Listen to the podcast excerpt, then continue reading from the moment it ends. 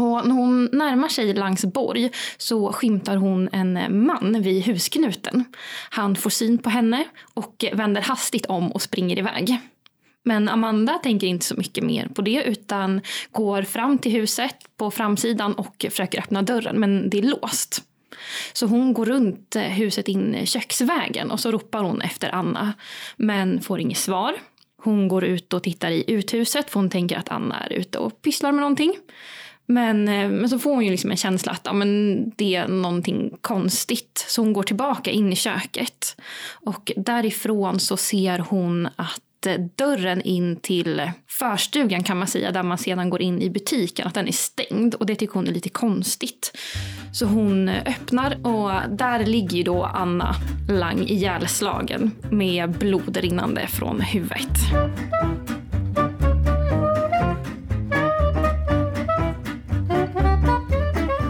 Din podd på jorden är Kulturparken Smålands podd om Kronoberg. Här pratar vi om stort som smått inom länets kulturhistoria, från forntid till nutid.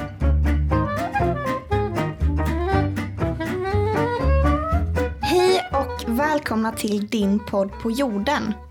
Jag heter Lovisa André och är programledare idag. Med oss här i poddstudion har vi Anna de Fär som är museipedagog här på Smålands museum, Kulturparken Småland. Välkommen hit Anna. Tack så mycket. Idag ska vi prata om en händelse som på 1920-talet kom att skaka det lilla samhället Grimslöv, tre mil söder om Växjö, nämligen det så kallade Grimslövsmordet. Mordet på Anna Lang 1925. Detta var ju en händelse som fick stor uppmärksamhet under många år efter och fick ett ganska dramatiskt efterspel. Än idag är detta en händelse som lever kvar i minnet i Kronoberg. Anna, hur kom det sig att denna händelse blev så pass uppmärksammad? Jag tror att det kanske främst var att det pågick under så lång tid. Att man flera gånger trodde att bara, men nu, nu är det här avklarat. Men så händer det någonting igen som liksom, liksom rev upp det igen så att det blev liksom på tapeten flera, flera gånger. Att det liksom var under väldigt lång tid som det här mm. ändå var aktuellt.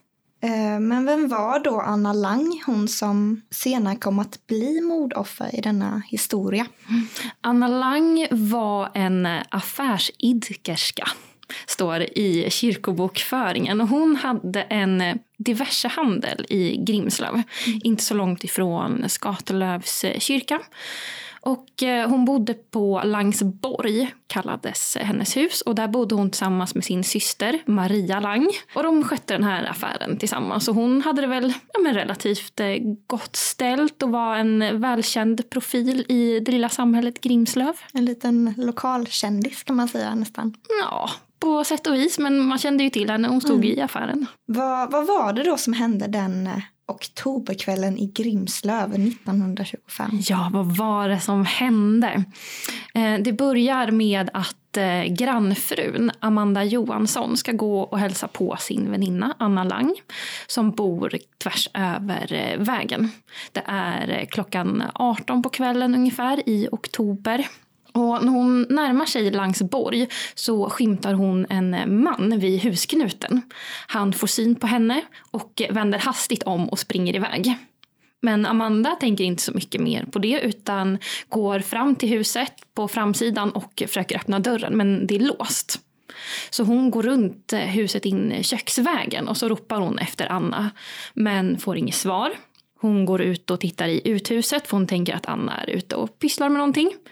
Men, eh, men så får hon ju liksom en känsla att ja, men det är någonting konstigt. Så hon går tillbaka in i köket.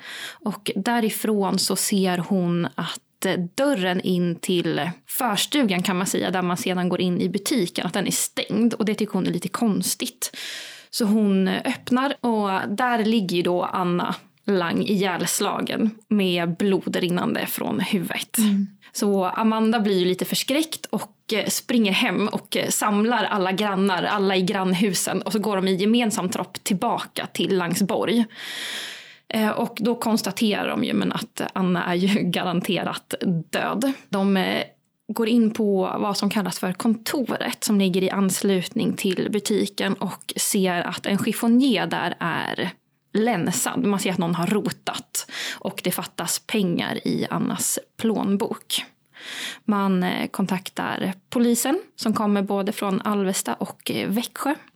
Och det konstateras att Anna har mördats eh, med ett trubbigt föremål och har fått minst två slag i bakhuvudet. Så det var ett väldigt brutalt rånmord kan man säga. Ja, det är minst sagt. Ja. Och det var ju liksom vad som hände utifrån Amandas perspektiv. Men vad hade polisen för teori om vad som hade hänt? De trodde ju initialt att det var en eh, luffare eh, som hade väntat utanför Langsborg på ett bra tillfälle. Och någon som kanske kände Anna Lang ganska väl, som visste att vid den här tidpunkten så är det liksom lite folk i affären. Mm. Så de tror att någon väntade på henne. Eh, sen gick in köksvägen. Eh, personen tar av sig eh, skorna och smyger i strumplästen in och överraskar Anna i butiken eller i förstugan och slår henne med ett trubbigt föremål i huvudet bakifrån. Mm. Och därifrån kan man ju se personens eh, fotspår i Annas blod. Det är lite hemskt. Ja, ja. Men de tror att, jag säger han för de trodde att det var en luffare.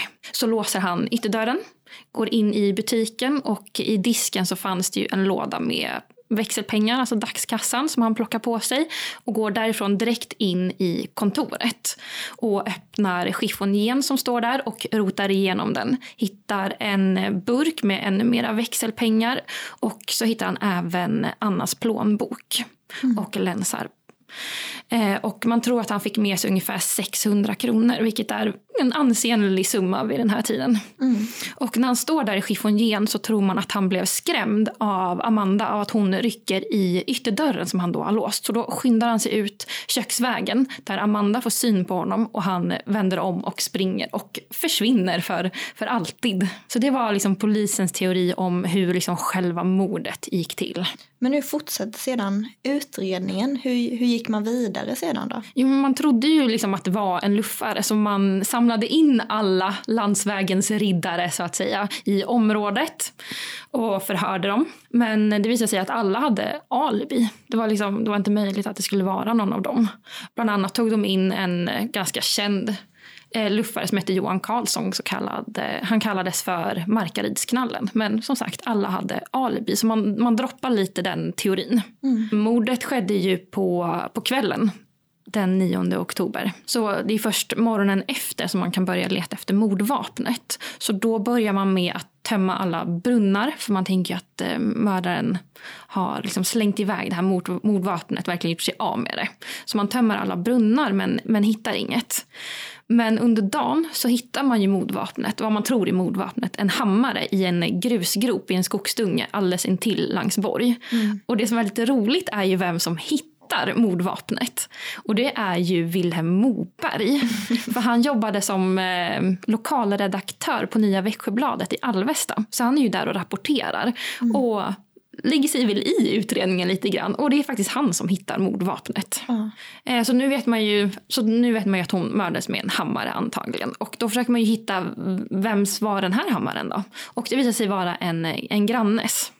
Som kan intyga att han hade sett sin hammare i verktyg, verktygsboden klockan ett dagen innan mordet. Så man tror ju att någon har stulit den från den här grannen senare den dagen eller under morddagen.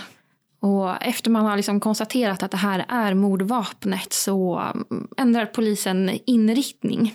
Det var ju inte luffare som man initialt trodde utan nu tror man mer att det är, det är någon som känner Anna Lang, som känner hennes rutiner och vet var hon förvarar sina pengar. Och så florerar det ganska roliga teorier runt om i Grimslöv om liksom, nästan som att alla misstänker alla. Men det leder liksom ingen vart. Och man, polisen börjar få rätt mycket kritik. Varför varför gör ni inte mer? Varför hittar ni inte mördaren? Han blev ju faktiskt sedd. Så han kan ju inte ha något liksom, direkt försprång. Vi, liksom, ni måste ju liksom få fler spår. Och eh, tydligen när mordvapnet hittades så kom det en privatperson ut till mordplatsen med sin hund och bara, men min hund är eh, väldigt bra på att spåra. Vi kan, vi kan se om hunden får upp ett spår på mordvapnet. Och då hade polisen motsatt sig det och bara nej, men det, det ska vi inte göra. Mm. Vilket är liksom lite märkligt. Varför ville de inte det? Mm. Så den här hundföraren blev ju arg, kopplade sin hund och åkte hem igen. Så liksom polisen får rätt mycket kritik och till slut ebbar det bara ut. För det kommer inga fler ledtrådar. Så det, det bara tar slut där. Men hur togs den här utredningen vidare sen? Gav man bara upp eller hur, hur fortsatte det? Ja, mer eller mindre så ger man väl lite upp kan man väl säga. Men eh, det här är ju en historia i flera akter så att säga. Så nu mm. går vi in i akt två. Och då tillsätts det en ny utredare för det här mordet. Eh, en man vid namn eh, Kirsten. Mm. Sigge Kirsten från Älmhult. Och han är ju också inne på den här teorin att det, det är någon som känner Anna Lang och försöker liksom gräva vidare i det.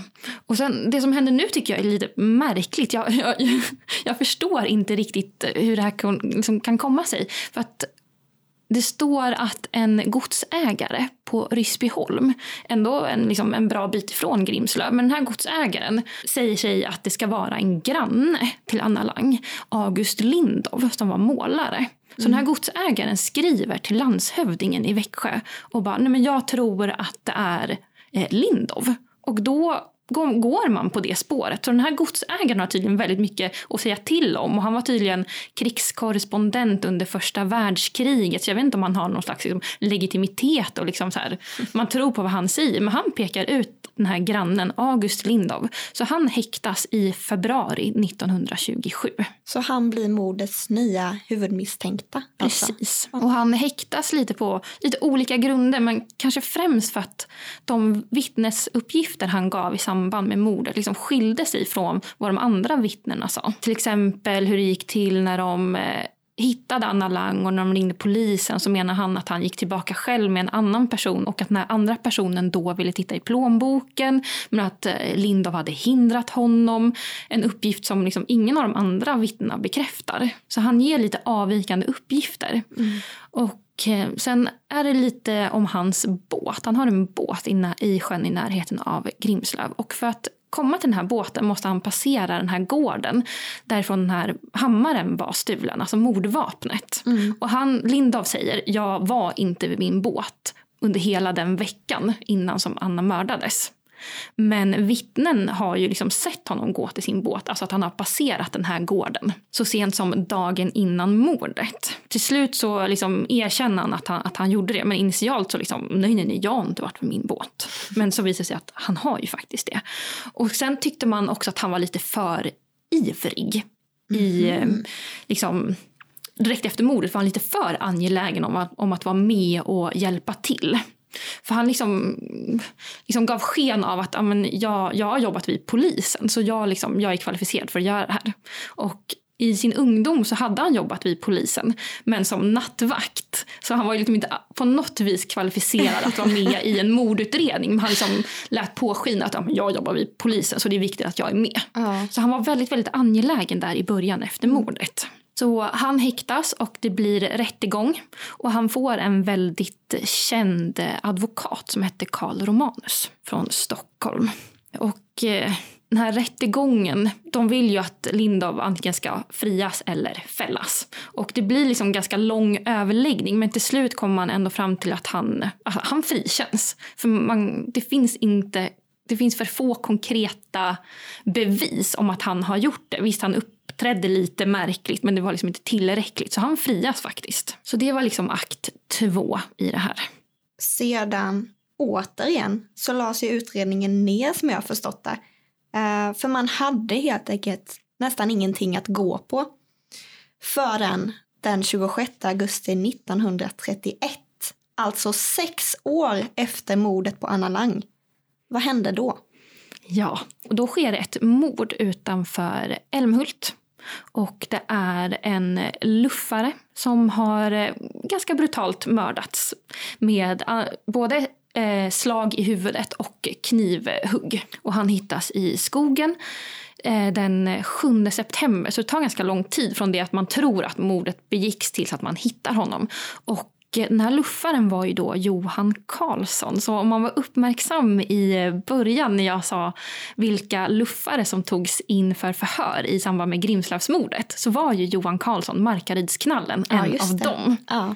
Så nu har han mördats och han har rånats. Han var ju någon slags gårdsfarihandlare så han har ju liksom rånats. Och eh, Eh, det tar ett tag, men man kommer fram till att det var en eh, annan luffare vid namn Persson Hård som har utfört det här mordet. För att han har sålt en kniv till en person som är identisk med de knivsår som eh, Johan Karlsson hade. Så man, liksom, man förstår att det är Persson Hård. Så man efterlyser honom rikstäckande och hittar honom utanför Halmstad. Och han nekar ju till brott. Men efter rätt liksom, hårda förhör så faller han till föga och erkänner Älmhultsmordet. Så då, då börjar ju akt 3 dra igång. För i samband med Persson Hårds rättegång så frågar man eh, honom även om Grimslövsmordet. För det sägs, det fanns något vittne som säger sig ha sett Persson Hård i Grimslöv samma dag som Anna Lang mördades. Så man drar upp det igen och helt oväntat så erkänner Persson Hård Grimslövsmordet, mordet på Anna Lang. Och man hittar dem alltså genom en kniv helt enkelt. Ja, Att man kunde spåra honom på det. Ja. för man visste att han hade sålt den till en annan person. Mm. Så då kunde man identifiera mordvapnet. Så han erkänner Grimslövsmordet, men tar tillbaka det. Och han tar också tillbaka sitt erkännande om Älmhultsmordet.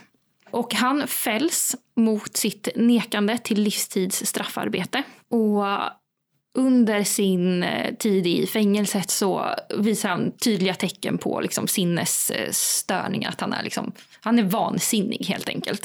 Och varje jul så skickar han ju eh, en julhälsning till mordutredaren Kirsten. Och i den här julhälsningen så skriver han att när han blir fri så ska han skära halsen av landsfiskalen.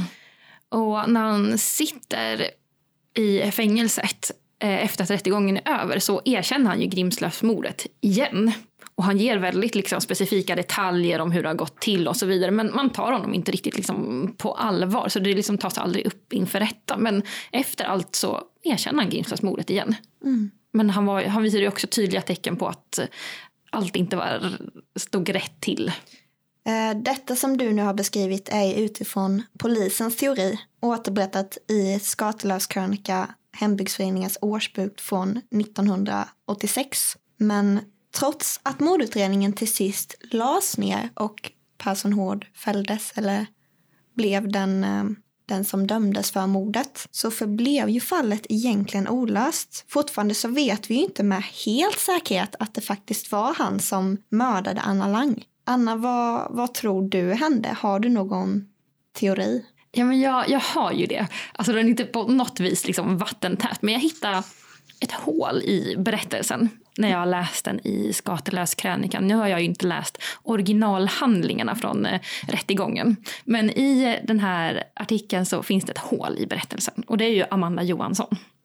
För inledningsvis så står det att hon, hon är på väg till Langsborg Innan hon kommit fram får hon syn på den här mannen vid husknuten och som sen försvinner. Därefter går hon fram till verandadörren och upptäcker att den är låst. Sen går hon runt in genom köksingången.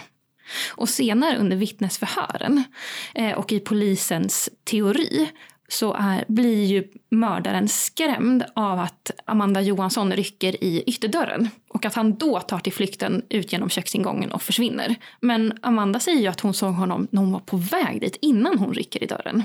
Så då undrar man ju, för det är ju Amanda som säger att det är en man som försvann åt ett visst håll. Så det är ju hon som, det är ändå hon som får polisen att tro att det här liksom är en luffare och att, det, och att det är en man. Och sen har jag ju grävt vidare och kollat Anna Langs bouppteckning. Alltså där man skrev upp allt hon ägde när hon dog. Och där står det ju även vilka som stod i skuld till henne, alltså vilka som hade handlat på kredit i hennes affär. Och vem är det som har mest kredit i affären? Amanda Johansson. Mm. Det är inte jättemycket pengar, jag tror det var 143 kronor. Så det, är, det kanske är några tusen i dagens värde, så det är inga jättesummor. Men ändå. Och liksom, det kan ju förklaras, liksom, min teori är ju inte vattentät. Men det kan ju liksom förklaras, för det verkar ju som att Amanda Johansson och Anna Lang var goda väninnor. Så Anna kanske lät Amanda handla för lite mer kredit än vad hon gjorde för andra kunder och så vidare. Och det här med hålet i berättelsen, det här är ju en andrahandskälla. Så det kan ju vara att det har återgetts lite fel. Men om man bortser från det så är det ett hål i berättelsen. Amanda är skyldig Anna Lang pengar. Och det är hon, Amanda, som liksom sätter polisen på fel spår, om man säger så. Det förblir ett olöst mysterium alltså. Precis. Anna de Fer, tack för din medverkan i dagens poddavsnitt om Grimslövsmordet.